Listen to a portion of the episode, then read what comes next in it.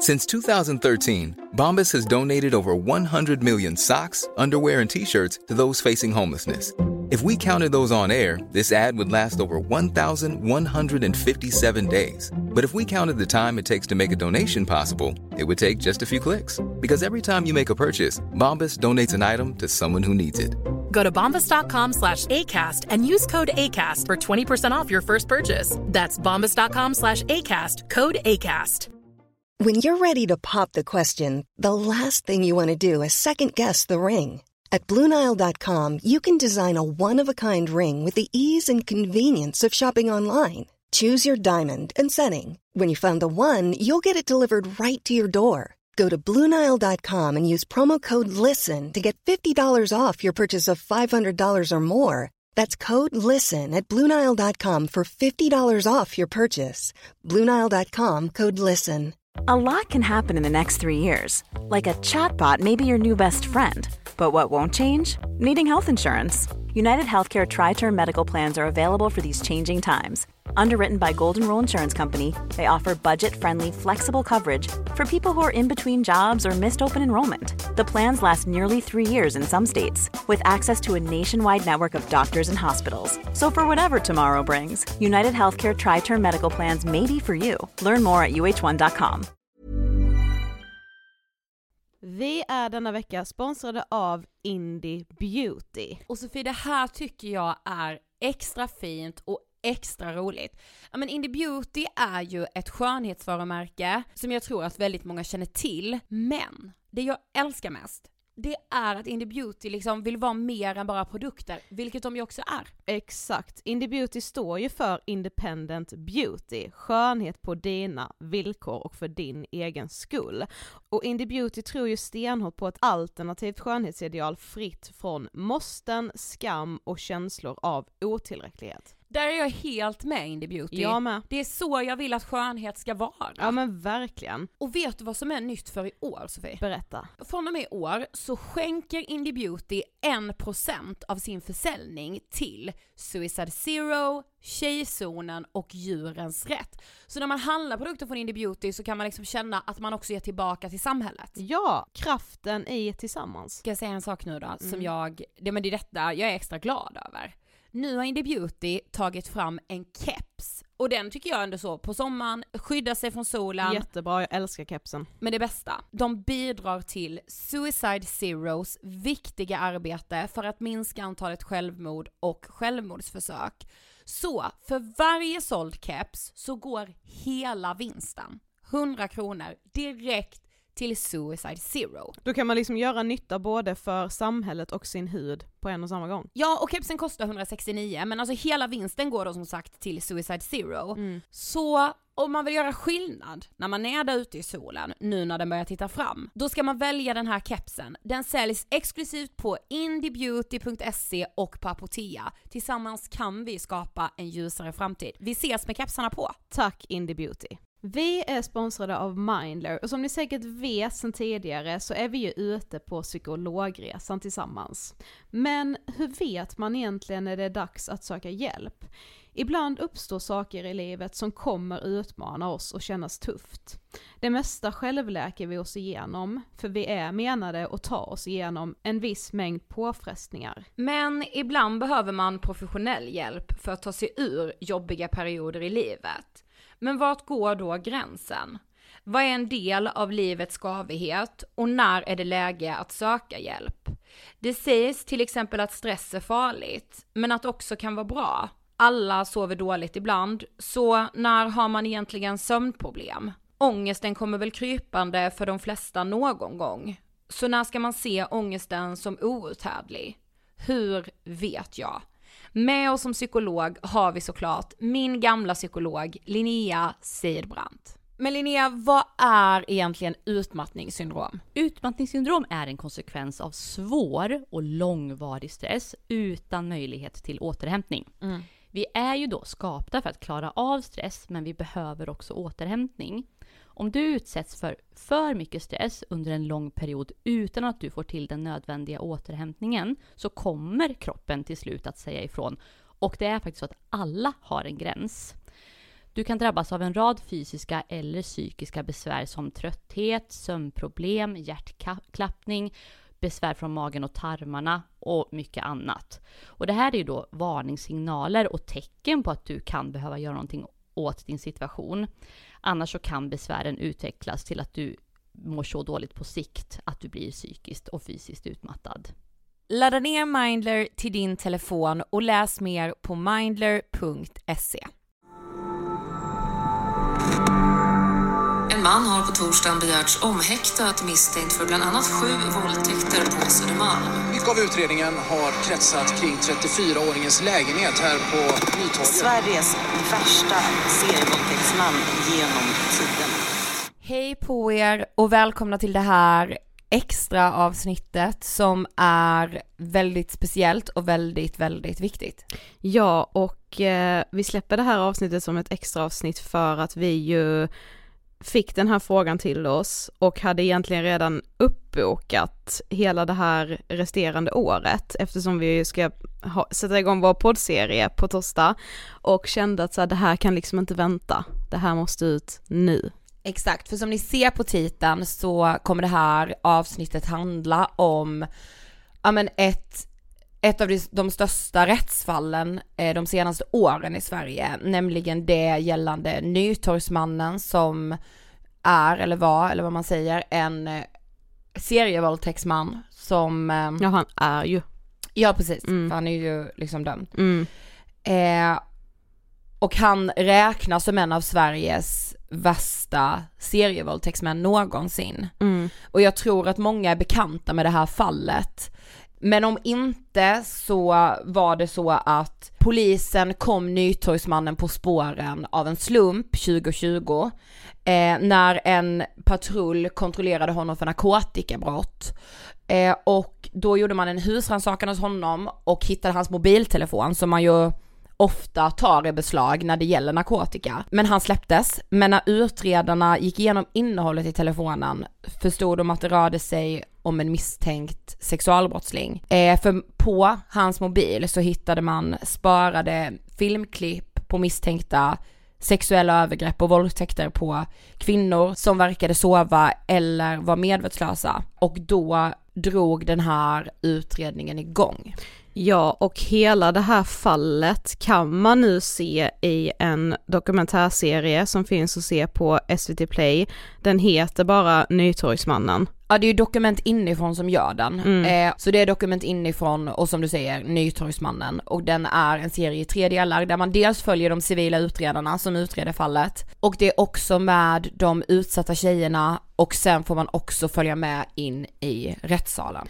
Och vi har ju med oss två av de här, jag vet inte vad jag ska säga, starkaste tjejerna jag typ någonsin har träffat. Ja, två av kvinnorna som Nytorgsmannen utsatte och som han ju är dömd för. I avsnittet och även i serien så heter de Steff och Michelle, men både Steff och Michelle heter egentligen något annat. Och ni kommer också få lyssna på när vi träffar producenten för serien, Kristina Edblom, som berättar lite mer om fallet, men också om svårigheterna i svenskt rättsväsende när det kommer till att upptäcka sexualbrottslingar. De som eh, liksom systematiskt utsätter framförallt kvinnor för sexuella övergrepp, våldtäkter, ofredanden eh, och att vi liksom inte har en modell för hur vi upptäcker det här i tid. Hej! Hej! eh, vad tänker ni på när ni hör ordet ångest? Eh, Ont i magen. Ja, alltså. jag, jag, jag, tänker typ min vardag men eh, ja, klump i magen, illamående, typ. Vad tänker du Steff? Det var ont i magen, också liksom vardag. Mm. Eh, det känsla man är bekant med liksom. Mm. Men ni båda är ju här för att vi nu gör det här avsnittet eh, i samband med dokumentären som har gjorts om Nytorgsmannen. Och för att ni har blivit utsatta av honom. Eh, om vi börjar med, med dig Steff, hur, hur kom du i kontakt med honom? Alltså, jag känner ju inte människan. Eh, vi träffades ute på en krog Eh, och bara socialiserade lite som man gör ute på, på krogen när man dricker och så. Eh, och det, det är där jag stötte på honom. Det var liksom ingen kontakt sedan tidigare. Så. Nej. Och hur var det för dig Michelle? Eh, vi hade en gemensam kompis som umgicks väldigt mycket med honom. Eh, och hade bara gott att säga om honom. Och, liksom, eh, och sen så jobbade han även på, på AIK Hockey. Eh, så där sprang jag på honom en del också. Eh, även på Herbie James var han väldigt mycket. Eh, så där sprang jag också på honom någon gång. Mm. Eh, så vi var ju liksom, vi pratade ju en del innan. Eh, och sen så försökte han även prata med mig efter men då var det verkligen så här, nej. Eh, men det var typ så vi pratade med varandra och sen så bara kom vi fram till att vi skulle gå, åka, eller gå ut och hänga liksom. Mm. Ja för när man tittar på dokumentären så får man ju verkligen en känsla av, som, som du beskrev nu Michelle, att, att han var en person som ja men alla hade en fin bild av honom och att han var så social och inbjudande. Eh, var det så det kändes? Som att så här, ja, men det här är en människa som är lätt att prata med? Absolut. Mm. Han var ju väldigt, väldigt lättsam när vi var ute, eh, ute på krogen och så. Eh, ja, jag vet inte, han var bara allmänt sjukt trevlig, lättsam, rolig att prata med, lätt att ha att göra med. Mm. Jag, jag lägger till charmig. Han var liksom så här, det var, det var så här Ja. kon, charmigt på ett konstigt sätt. Men det kanske han var. Men det, man tänker inte på det som att han var liksom så här. Han, han verkade bara vara väldigt genuin, trevlig och liksom så här. Bara allmänt fin människa liksom. Mm. Ja men precis. Ja. Men när du säger charmig på ett konstigt sätt, hur tänker, eller vad menar du då? Alltså udda typ. Att man är, alltså det är liksom så här. Ja, det är så svårt att förklara för att Mm. jag, det- det är liksom. Ja. Men alltså typ udda på ett sätt att man kanske man hör inte hemma i den här normala boxen av Precis. människor utan man har en historia. Man kanske inte klär sig som alla andra och så vidare. Jag skulle beskriva honom udda på det Mm. sättet. Precis. Sen kanske du beskriver udda på ett annat sätt. Men... Nej men jag tycker det, det tycker jag låter väldigt, väldigt, det är en väldigt bra förklaring. Mm. Eh, Eh, men hela dokumentärserien börjar ju egentligen i ditt förhör, Steff. Eh, kan du berätta om det här förhöret? Ja, det finns inte så jättemycket jag minns utav förhöret. Eh, mer än att när jag, känslan när jag åkte dit var ju mest bara ja men det kan ju hjälpa till lite. Så här, polisen hade ringt och tänkte att ja ja, jag har ju stött på den här människan. Eh, och sen så blir det ju liksom, det blir en konstig stämning på förhöret. Och när jag väl inser de visar ju mig lite bilder, eh, bland annat på min mobiltelefon, mina glasögon och mina trosor. Och någonstans när det klickar så blir det som att hela världen bara faller samman. Alltså det var ju verkligen... Det stod typ still. Eh, och det är där de också avbryter förhöret. Eh, och sen så informerar ju de mig om att jag har blivit liksom, brottsoffer man ska säga och att jag kommer bli delgiven av advokat och det ena och det andra. Och sen frågar de om jag vill ha någon typ av stöd. Sen minns jag att jag ringer min bästa kompis. Eh, den som polisen pratar med. Sen minns inte jag som är. Jag minns inte hur jag tog mig hem. Eh, jag minns inte vad jag gjorde hemma. Hela, hela dagen, hela den veckan är typ borta. Eh, just för att det var så stor chock. Men vad hade polisen sagt när de ringde dig? De hade ställt sig sjukt konstiga frågor typ Har du glasögon? Har du mobilsmycke? Eh, och de sa att de utredde ett narkotikabrott. Eh, och att de hade pratat med då min bästa kompis hade fått mitt telefonnummer av henne. Nu hade ju hon varit sjukt snabb och ringt mig och sagt att hon har gett mitt telefonnummer till polisen. Eh, typ hoppas det är okej. eh, men på, på telefon så var de väldigt kortfattade på så sätt. Det var mest bara lite frågor och kolla när jag kunde komma till eh, polisen i Farsta. Ja men jag tänker också att det måste varit en sån chock. Alltså som du beskriver, att jag har kommit ihåg någonting och jag tycker det är helt förståeligt för det måste ju ha varit så chockerande. Eh, men alltså hur mår du liksom den närmsta tiden efter det här förhöret och att du har fått reda på att du har blivit utsatt? Det går upp, det går ner, det går upp, det går ner. Den sommaren var faktiskt en väldigt bra sommar. Eh, men sen när typ verkligheten kom ikapp och ett förhör och doms, man fick ett domstolsdatum och plädering och allt det där kom igång igen.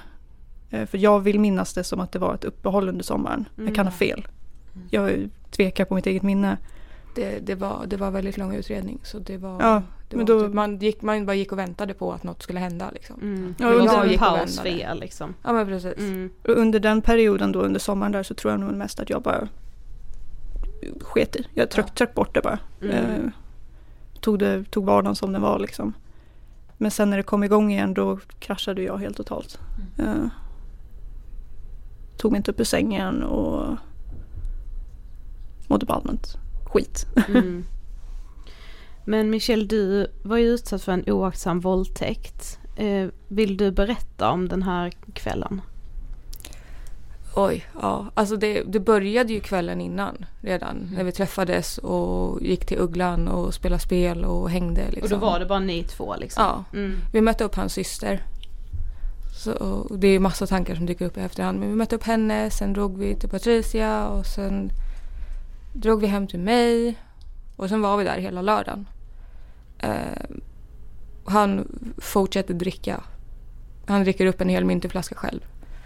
Eh, och jag var, jag var jättetydlig med honom och bara men jag vill inte, jag vill inte ha sex med någon förrän jag dejtar seriöst för att eh, jag, är, jag är klar med det för jag, jag mår för dåligt av det liksom. Mm. För jag, folk, det känns som att folk ser mig som precis som myt. Mm. Eh, så jag sa det till honom och han verkade ändå respektera det på något sätt. Eh, sen hade jag sovit typ tre timmar den natten så jag somnade i hans famn. Eh, och så vaknade jag av att han, eller jag, jag, jag, jag, vaknade av, jag vaknade och insåg vad som hände när han var i mig. Men jag började liksom så här småvakna när han började ta på mig. Mm. Och då eftersom att jag kommer ihåg vart han tog på mig så anser ju de att det är en oaktsam våldtäkt. Vilket är, jag tycker att det är helt, att liksom vad jag gör när jag sover väger tyngre än mitt ord när jag är klarvaken. Tycker jag är helt, jag förstår inte det. Och sen så fick jag frågan vad jag hade för, på, på, på mig för kläder. Liksom. Och åklagaren var den som ställde mig frågan. Jag bara okej, okay, men det är väl för att hans advokat inte ska göra det. Men nu i efterhand så tänker jag, ja okej, okay, men vad hade hänt om jag hade sagt att jag hade legat i underkläder? Hade han inte, hade han inte blivit dömd alls då? För att jag lägger ju mig i underkläder i hans famn för att jag vill någonting. Men vad händer efteråt?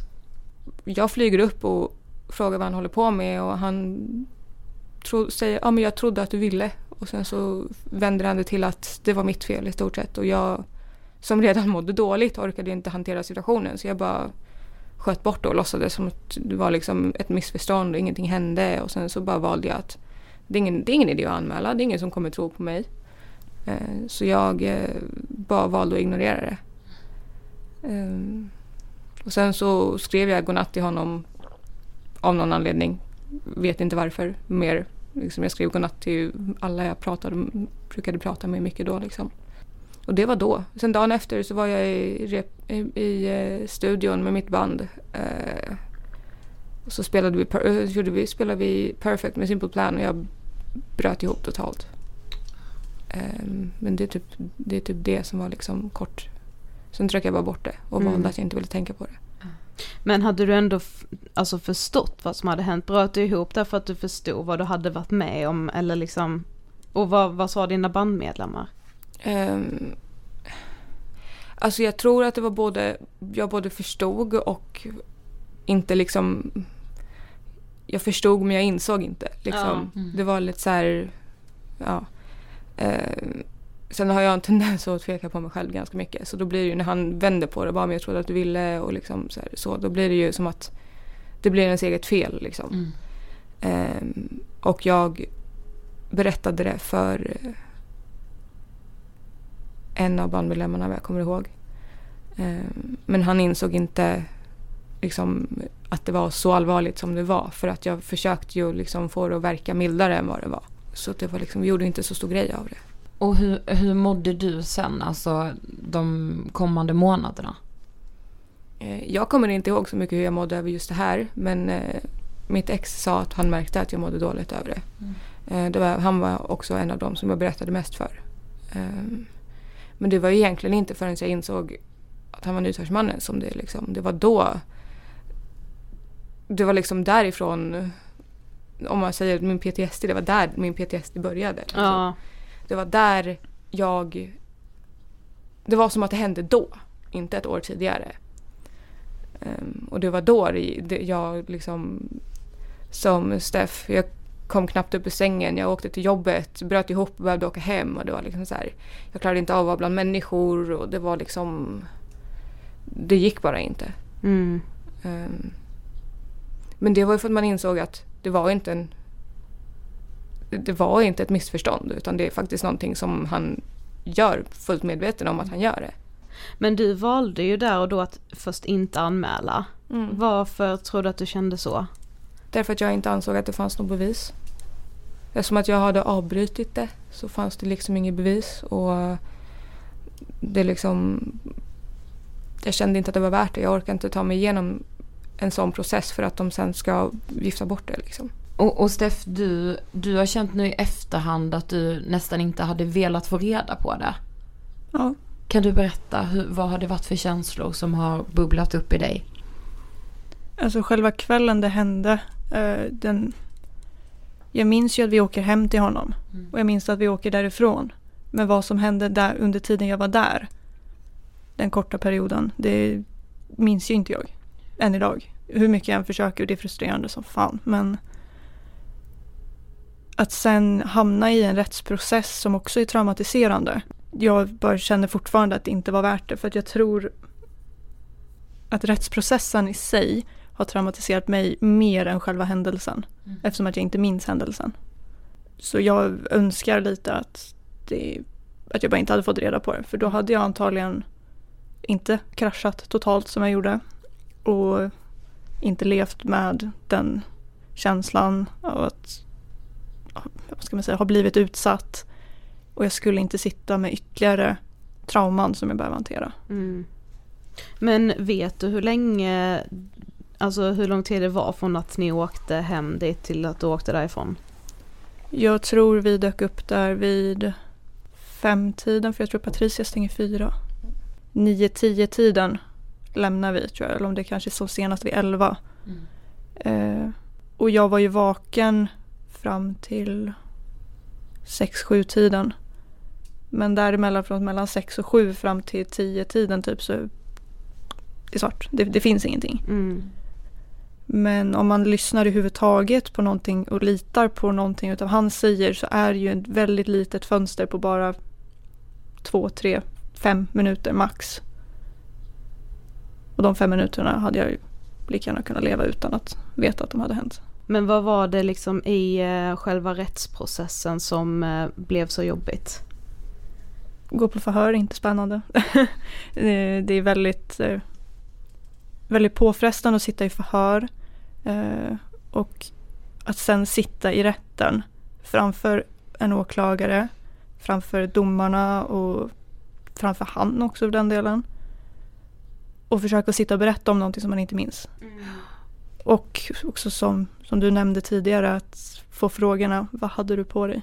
Poliserna frågade ju för att lägga en grund i utredningen för, för att identifiera mig. Att jag förstår att de behövde fråga, Mm. men att i rättssalen fråga. Det, jag var fullt påklädd. Men vad gör det för skillnad? Jag, jag pratade faktiskt med en... Eh, jag, hade, jag lyckades ta mig tillbaka till min träningsstudio och höll egen träning och så kom hon, hon, en tjej dit som pluggar juridik. Mm. Och hon sa det att innan det här med oaktsam våldtäkt togs upp så hade vi lyckats ta oss ifrån hela vad hade du på dig grejen. Det är hennes sätt att förklara men Ja. när vi la till oaktsam våldtäkt så kom det tillbaka lite grann för att du lägger ju inte, det, det är lite den här man lägger sig ju inte naken bredvid någon som man ändå inte är intresserad av. Lite Mm. så, det är väl lite den. Mm. Så jag tror väl att det är lite därför då, det har kommit tillbaka. Nu vet inte jag om det är så, jag bara Nej. spekulerar. Alltså hur var rättegången? Hur var det att vara där? Eh, såklart jättejobbigt men eh, gick det att förbereda sig på något sätt? Nej. Nej. Alltså, jag är ju tacksam att jag har varit på studiebesök i en rättssal med grundskolan. Så jag vet hur det ser ut där inne. Mm. Men eh, det går inte att förbereda sig för att sitta rakt framför en domare snett emot sin förövare och snett emot åklagaren. Det går inte att mentalt förbereda sig för det. Men hur var det liksom att förstå att alltså han var Nytorgsmannen och att det var just det här systematiska, att det var så många som var, som var i samma sits som er? Oj. Eh, jag fick skuldkänslor på en gång. För jag tänkte att om jag hade anmält hade jag kunnat stoppa honom då. Hade han inte gått på andra människor då. Liksom. Mm. Det var det första jag tänkte. Förutom att jag varit chockad och insåg vad som hade hänt mig så vart jag så här. Om jag hade anmält hade jag kunnat förhindra honom från att göra eller utsätta fler tjejer för det här. Mm. Um, det var det jag tänkte liksom. Och sen så bara se siffrorna öka. Det var verkligen så här. Man inser inte vad, vem en människa är. Liksom när, förrän man liksom är så pass nära som när man kommer så nära som man behöver komma liksom, för att se vem man verkligen är. Ja, alltså jag fick ju inte... Alltså, min, eh, min man hade ju läst en artikel om det här eh, innan jag hade fått reda på det. Men jag borstade ju mest bara av det för att hur många nyhetsartiklar finns det Mm. om just våldtäkter? Mm. Och då var det inte det här systematiska riktigt. Så det var ju inte förrän några veckor efter jag hade varit på mitt första polisförhör som jag faktiskt kopplade. Ah. Mm. Och då var det också igen, putta bort det. Ignorera det. Hur skulle ni säga att det här har påverkat era liv och ert mående? yes. Um, Ja. yes.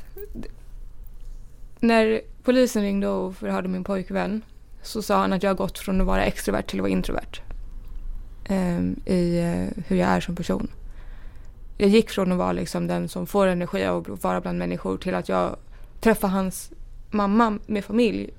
Kommer hem och behöver sova i två timmar för att, ens liksom, för att orka återhämta mig. Eh, och sen så liksom jag ringde till vårdcentralen och sa det. Jag vet inte vad jag ska göra. Jag kan inte hantera mig själv längre. För det var liksom, det var så illa. Och som tur är så tog de mig seriöst. Mm. Och det är inte heller vanligt att man blir tagen seriöst. Ehm, så det är liksom, ja. Det, det som, som Steff sa tidigare, tidigare det, det gick åt helvete. Mm. Enkelt sagt. med hur mitt liv har påverkats. Jag, jag var ju i ett redan skört tillstånd när det hände. Eh, Jag hade faktiskt kontakt med psykiatrin tidigare som jag är väldigt tacksam för. Jag hade redan en fot in och jag har lång tid tillbaka haft av och på kontakt med psykiatrin så jag är ju väldigt tacksam för att jag vet hur man ska gå tillväga på så Mm. sätt. Men jag vart ju så arg på allt och alla. Jag var arg på min man, jag var arg på världen, jag jag vet inte varför jag var arg på min man helt ärligt. Jag tror nog bara han var närmst och jag tog ut över honom, tyvärr. Eh, men jag var så arg. Fortfarande till viss del arg. Mm. Känner ni att ni har fått någon upprättelse? Kortfattat för min del, nej. Alltså, ja och nej. Jag är väl ändå tacksam att han varit dömd för någon sorts våldtäkt i mitt fall. Men eh, sen så är det också det här eh, skadeståndet kommer man ju inte se.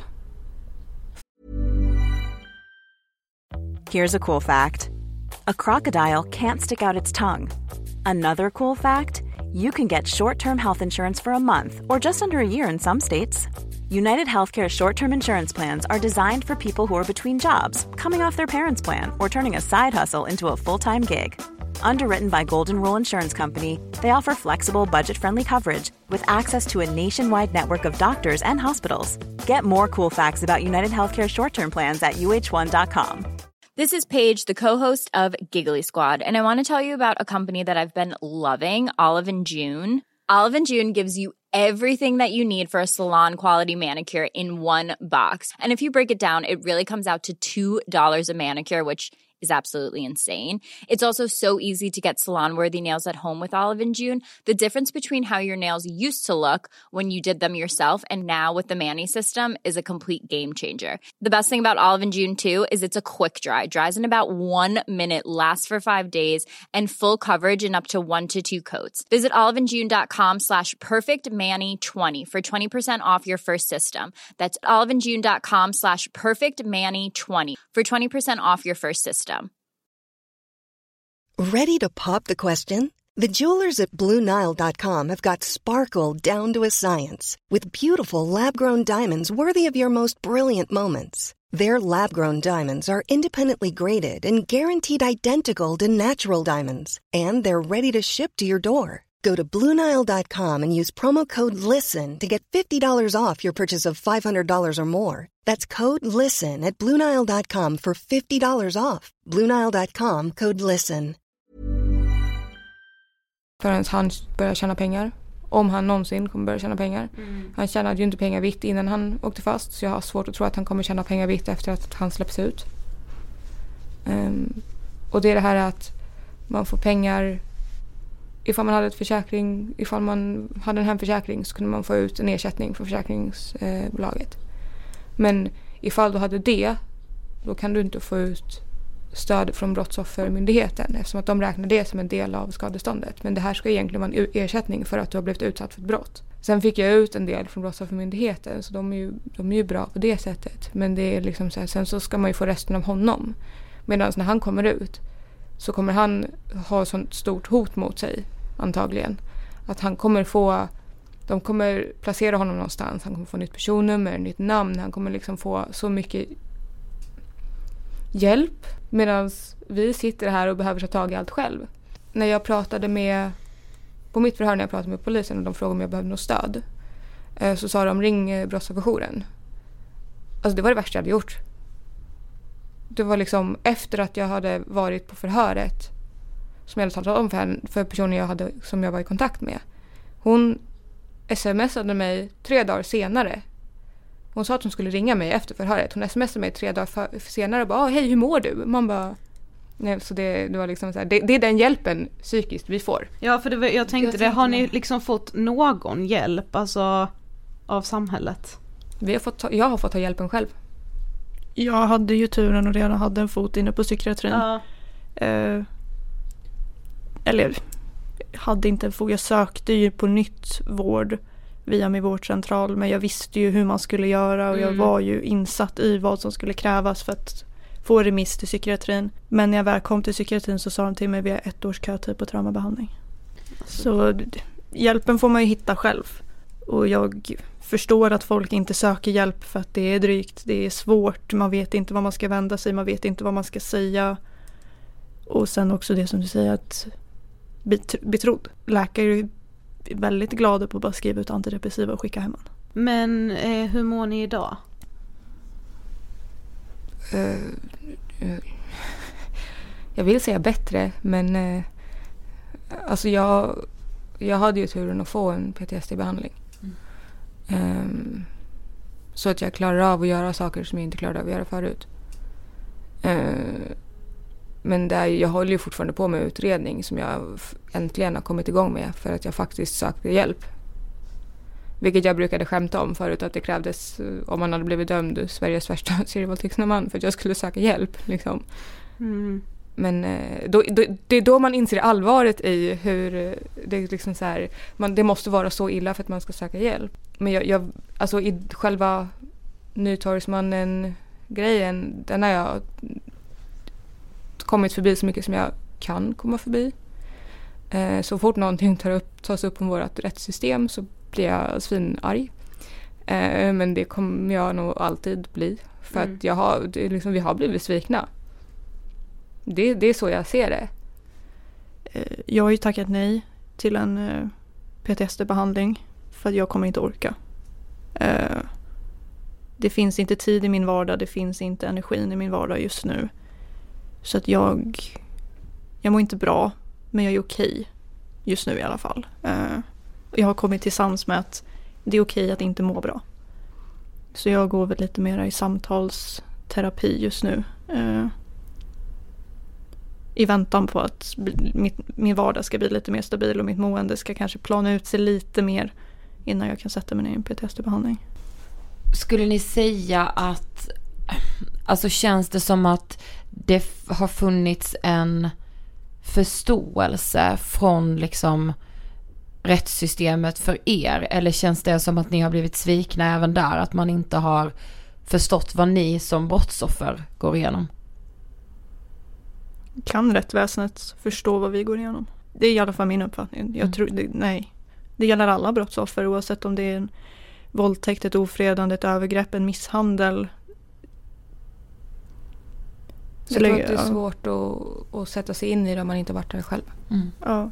Vad var det som har fått er att vara med i den här dokumentären och att sitta här och prata, att ändå ha den, det modet, att vara så modiga att göra det. För det är ju enormt starkt. Det är ju lite som jag pratade om tidigare med att bedriva på det på en samhällsnivå, att vilja ha en förändring. Jag vill ge det så mycket medieupplysning som möjligt för att folk ska fatta. Att det kanske, det finns ju lite ett hopp i mig att möjligtvis att våra politiker ska se och förstå.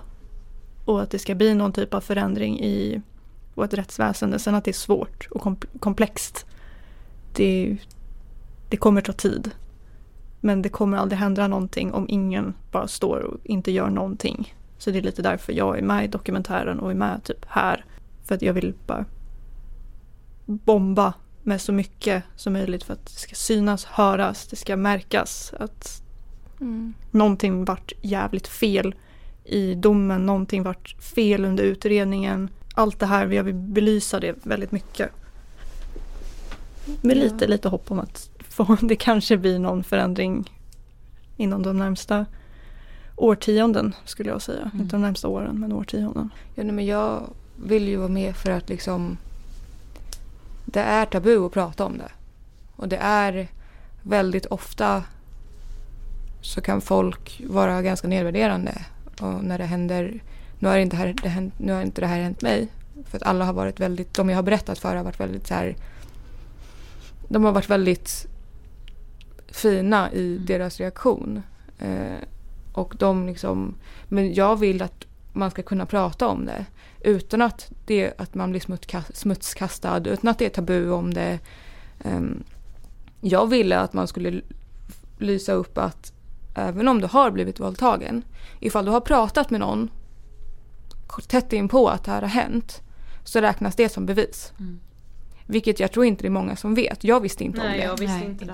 Och det sa, poli- det, sa, det sa polisen till mig att ifall du pratar med någon och berättar detaljer om vad som har hänt så kan det vara som bevis för det, då, då stärker du din berättelse. Men sen hur det blev i, i rätten så blev det ju inte riktigt, i, rätt, i rätten så vart det ju inte så för, för alla att det stärkte. Eh, så jag blev lite kluven till ifall det är bevis eller inte. Liksom. Eh, Men jag vill, jag vill bara upplysa och att folk ska se hur allvarligt det här faktiskt är. Hur mycket det påverkar folk. Och inte bara oss offer. Utan även de som är väldigt nära. Som Steffs man. Min pojkvän. De har ju fått stå ut med våra humörsvängningar och hur vi liksom går från att vara fine till att bryta ihop totalt och liksom stötta oss genom allting och liksom det är ju inte alla som har haft den turen heller. Det påverkar liksom min chef påverkade det. Bara en sån grej liksom. Mm. Mina kollegor påverkade det för att jag inte kunde jobba. Alltså det påverkar så många. Och jag tror inte folk inser det. Men det är ju så med all, alla, alla som blir utsatta av något. Det påverkar ju liksom alla runt omkring. Sen är det också viktigt att för de som har blivit utsatta och inte har berättat eller inte vågar berätta eller inte vill berätta. Att lägga en tyngd i att gå och prata med någon. Kurator, präst, jag vet inte. Någon. Mm. Det, det, finns, det finns hjälp. Det är tufft att ta sig dit. det är skitjobbigt att ringa det första samtalet men det är det största steget. Och det jobbigaste liksom. Det är, men gör det. Det är, det är värt det. Mm. Eh, tack så jättemycket för att ni ville gästa Ångestpodden. Ja, men tack för att Tack för att vi kom. fick komma. Ja. Kristina, du är producent för dokumentärserien Nytorgsmannen. Eh, hur har det varit att göra den här dokumentärserien? Ja, men det har ju känts otroligt angeläget att få beskriva och förstå lite mer om sexualbrott som ju är ett globalt problem och som vi har i Sverige och som på något sätt är ett hot faktiskt mot mänskliga rättigheter. Det är ju på den nivån. Och, eh, det här är ett stort fall där vi kan se många delar av de problem som jag tycker att det finns med sexualbrott och kanske försöka förstå lite mer. Eh, och jag kom ju in i det här lite sent, eh, senare än Jimmy och Kristoffer som är de som har gjort eh, intervjuerna och följt den här utredningen. Men bland det första som slog mig var väl att ehm, eh, att jag hade den här bilden av att det här bara handlade i princip om eh, kvinnor som inte hade vetat om att de varit utsatta för ett brott och att utredningen handlade väldigt mycket om att försöka hitta och identifiera de här brottsoffren. Men när vi började läsa i förundersökningsprotokollen och sätta, in, sätta oss in i det här fallet så förstod jag ju att här finns det ju så mycket mer att lära sig om just hur det funkar efter ett sexualbrott. Det är kvinnor Mm. som har råkat ut för djupt traumatiska händelser, kanske till och med förstått att de har utsatts för ett brott, men som av olika anledningar valt att inte anmäla eller valt att trycka undan det eller kanske inte riktigt förstå vad, vad det faktiskt var som de utsattes för.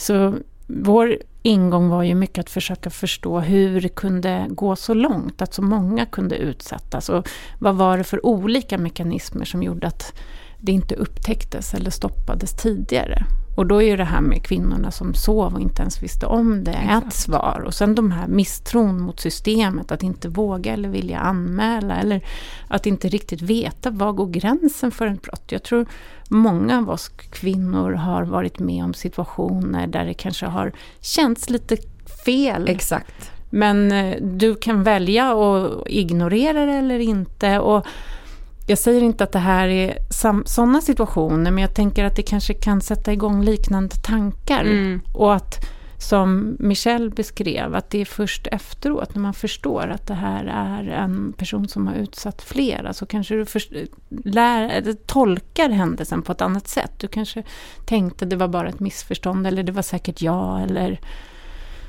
och här handlar det om betydligt allvarligare saker än det där som jag beskrev som något som Ja. vi kanske... Men jag tror att vi ändå kan känna igen den, det sättet att fundera, tänka. Mm. Eh, och det tyckte jag var väldigt viktigt. Någonting som vi kan lära oss också av det här fallet. Och att de, vi, de farligaste liksom, våldtäktsmännen, eller hur, hur ser en serie förgripare ut, om vi får kalla det så. De kanske, det kanske inte är så som vi först tror. Vi har lärt oss att förstå att en överfalls, att överfallsvåldtäkter, det, och det är ju fruktansvärda brott. Men här har vi en person som istället kunde utsätta många innan han upptäcktes. Mm. Och att hur ska vi hitta och förstå och upptäcka det här för att förhindra nästa brott?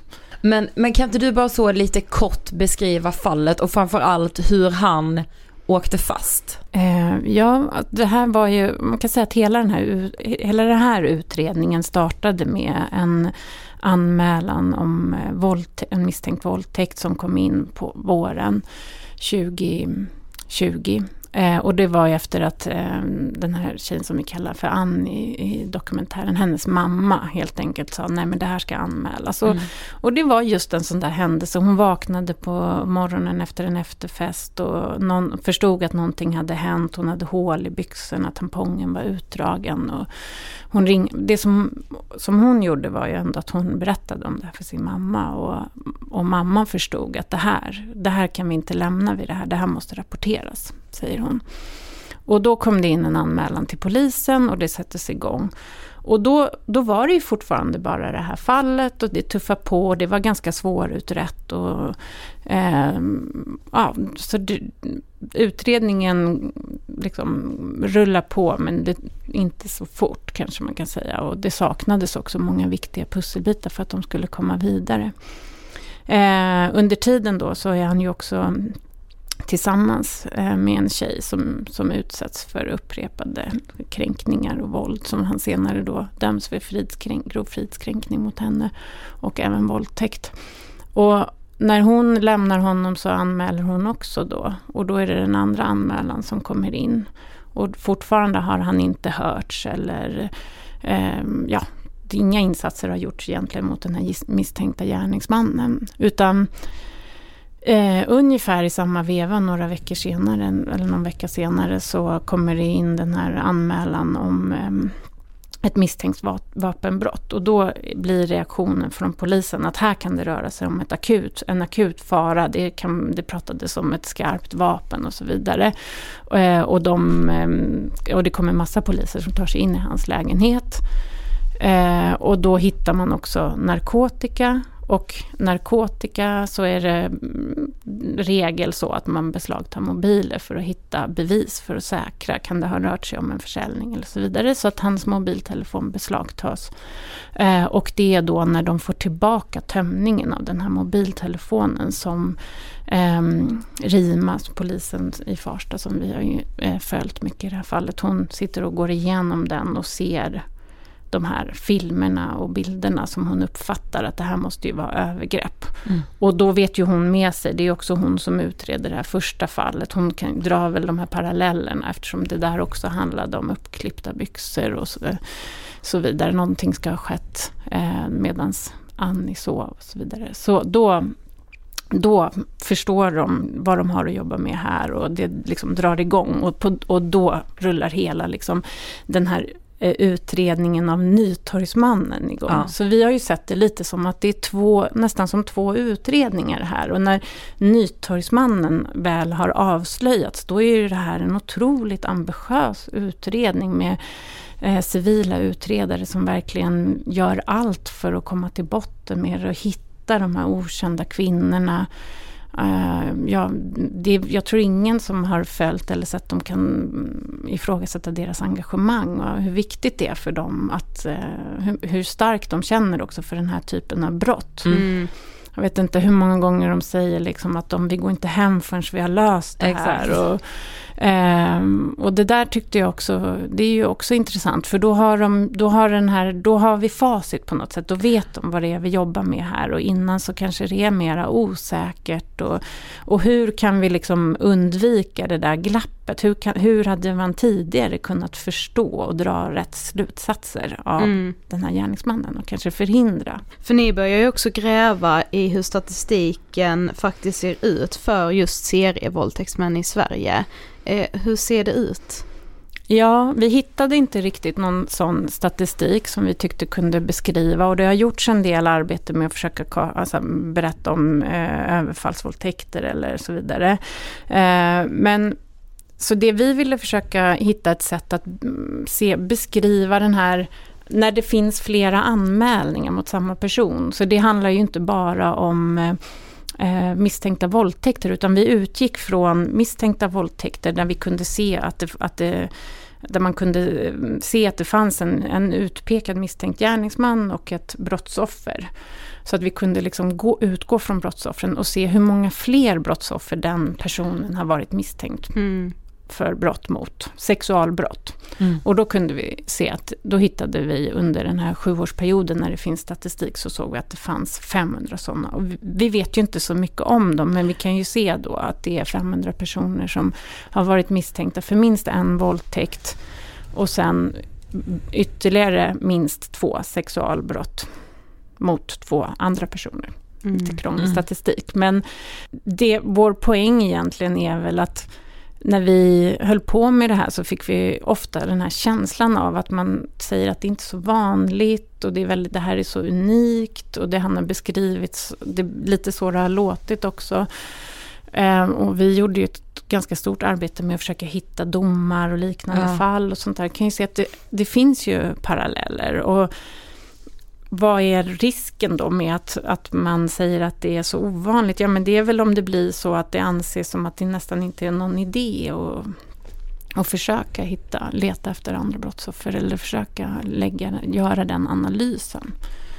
debatten om sexualbrott handlar ju väldigt ofta om det som händer kanske i rättssalen eller vilket, vad det blir för straff eller hur det går till. Men att hur kan vi, precis som i, när vi pratar om gäng eller Ja. våld i nära relation, lära oss att lägga det här pusslet, dra slutsatserna, göra ris- riskbedömningar, upptäcka vem som kanske kan vara farlig och hur kan vi göra det eh, utan att eh, ja, jag, jag tror att det är viktigt att, att få den kunskapen och ha den glasögon. För det här handlar ju inte om att vi ska kasta liksom vår rättssäkerhet liksom i, i sjön eller Nej. strunta i det. Utan ehm, bara kanske i alla fall sätta igång och prata på samma sätt som vi Mm. gör till exempel med gängkriminalitet där man pratar mycket om att liksom upptäcka i tid och, och, och samma med våld i nära relation där det ju fortfarande eh,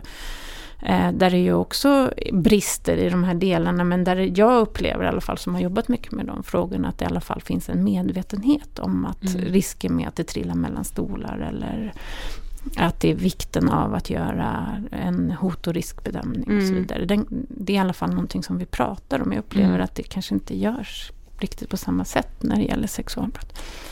Om vi bara tittar på det här fallet så, så tycker jag att det går att se att det fanns många förklaringar till att, eh, att det inte upptäcktes tidigare.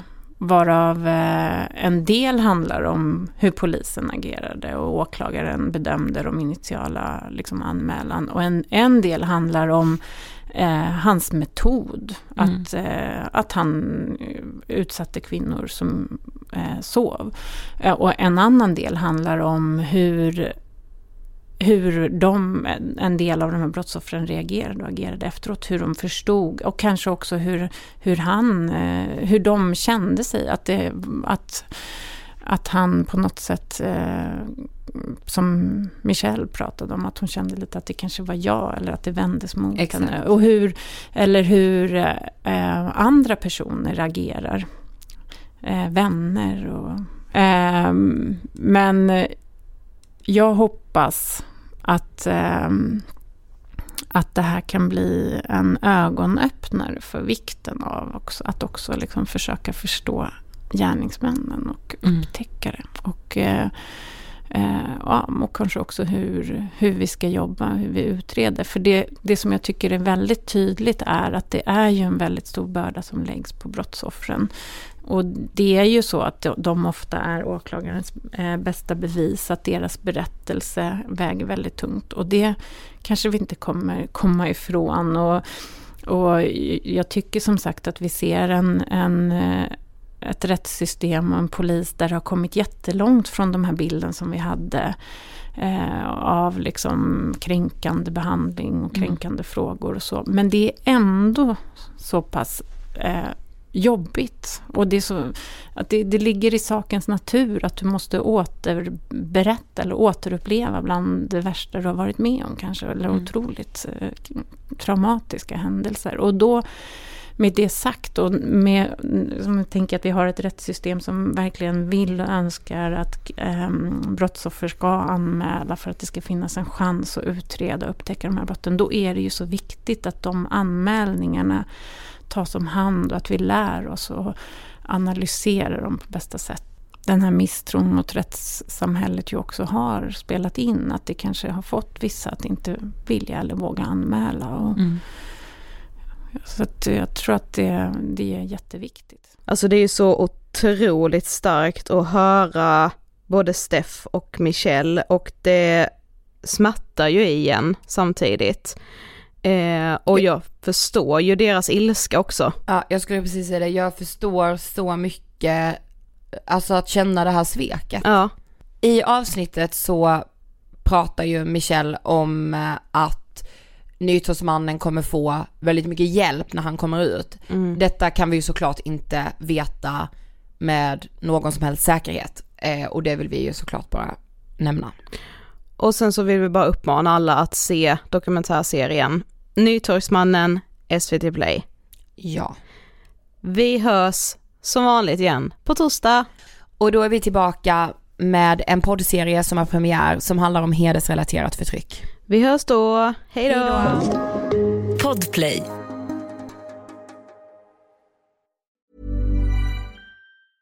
Even when we're on a budget, we still deserve nice things. Quince is a place to scoop up stunning high-end goods for 50 to 80% less than similar brands. They have buttery soft cashmere sweaters starting at $50, luxurious Italian leather bags, and so much more. Plus, Quince only works with factories that use safe, ethical, and responsible manufacturing.